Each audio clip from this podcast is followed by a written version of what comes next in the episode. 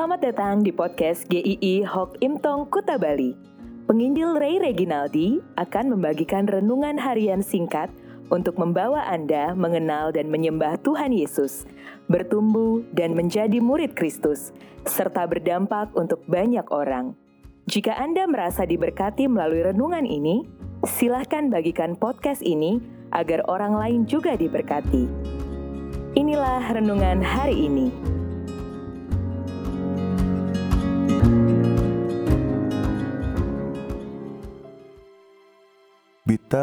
Or better.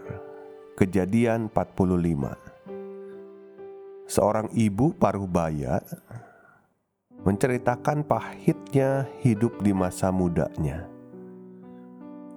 Kejadian-kejadian puluhan tahun itu masih begitu melekat di hatinya dan sangat menyesakan bagi dirinya. Dia pahit terhadap orang tuanya dia tidak diperlakukan seperti saudara-saudaranya. Ketika hidup terus berlanjut, dia mendapati kepahitan yang lain, yaitu terhadap suaminya. Dan berturut-turut banyak hal diceritakan tentang kepahitan demi kepahitannya. Bayang-bayang kepahitan itu selalu membayangi dan menekannya di kala sedang sulit dan itu membuatnya bertambah frustasi terhadap hidupnya. Saat hidup dikuasai kepahitan, hidup yang dijalani pun akan terasa begitu berat. Kenyataan hidup yang pahit, bitter, jika dipandang dalam rancangan Tuhan, justru kita bisa melihatnya lebih baik, better. Yusuf juga merasakan hal seperti itu ketika masa mudanya terengkut. Itu satu kepahitan buat Yusuf sebetulnya. Dia menderita belasan tahun. Dia bisa saja hidup dalam kepahitan itu terus-menerus. Tetapi Yusuf melihat rangkaian hidupnya termasuk kepahitan yang diizinkan Tuhan adalah dalam rangkaian rancangan Tuhan yang jauh lebih baik, jauh lebih besar daripada yang bisa dia pikirkan. Dua sikap Yusuf yang bisa kita pelajari. Pertama, rekonsiliasi dengan tulus. Yusuf dengan jelas menyatakan dia mengerti sekali saudaranya berbuat jahat kepadanya. Dia sampai berkata dua kali, bahwa mereka sudah menjual Yusuf di ayat keempat. Apa yang dilakukan saudara-saudaranya jelas salah dan Yusuf tahu. Tetapi ini yang berbeda. Alih-alih membalaskan dendamnya, Yusuf malah menghiburkan saudara-saudaranya yang ketakutan pada saat itu.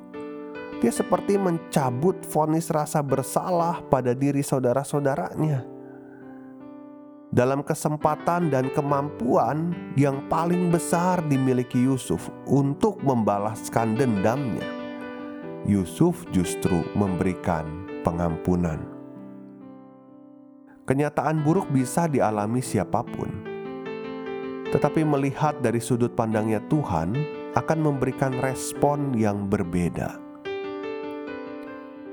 Kedua, menundukkan diri dalam rencana Tuhan Yusuf mengerti dan memahami bahwa semua peristiwa pahit yang dialaminya ada di dalam rencana Tuhan.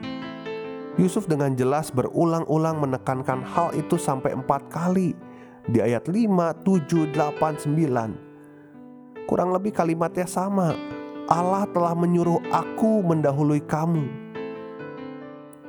Bahwa dia mengalami penderitaan dan dia sampai ada di Mesir itu bukan karena kejahatan saudaranya semata-mata, tetapi karena Allah merancangnya untuk hal yang baik. Dia bukan memandang dirinya sebagai korban, tetapi sebagai utusan Tuhan yang dipakai Tuhan untuk menyelamatkan umat Tuhan dari penderitaan kelaparan. Sekalipun dia harus menjalani serangkaian penderitaan untuk dapat menyelamatkan Israel dan keturunannya. Sehingga Yusuf dapat berkarya dengan sangat baik. Apa yang Tuhan percayakan kepada dikerjakan dengan sangat baik. Hidup kita ada di dalam rancangan keselamatan di dalam Tuhan Yesus yang tidak pernah gagal. Tuhan Yesus sendiri yang memastikan hal itu. Kematian dan kebangkitannya yang menjamin hidup kita tidak menerima hal terpahit, yaitu penghukuman kekal. Tuhan Yesus sudah menanggung hal terpahit supaya hidup kita bisa menjadi manis, menikmati hal yang manis bersama Tuhan. Bagi Anda yang pernah atau sedang mengalami hidup ini begitu pahit, ingatlah akan Tuhan yang ada di dalam segala sesuatunya untuk merancangkan yang lebih baik yang better di dalam kehidupan kita, bahkan yang terbaik.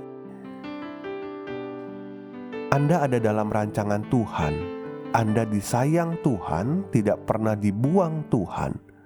Tuhan mau Anda menjalani hidup hari ini dengan baik, dengan beriman, dengan berpengharapan hanya kepada Tuhan. Kiranya Tuhan memberkati, dan kita berjumpa lagi di renungan esok hari. Saya akan bahas Keluaran 5. Tuhan memberkati.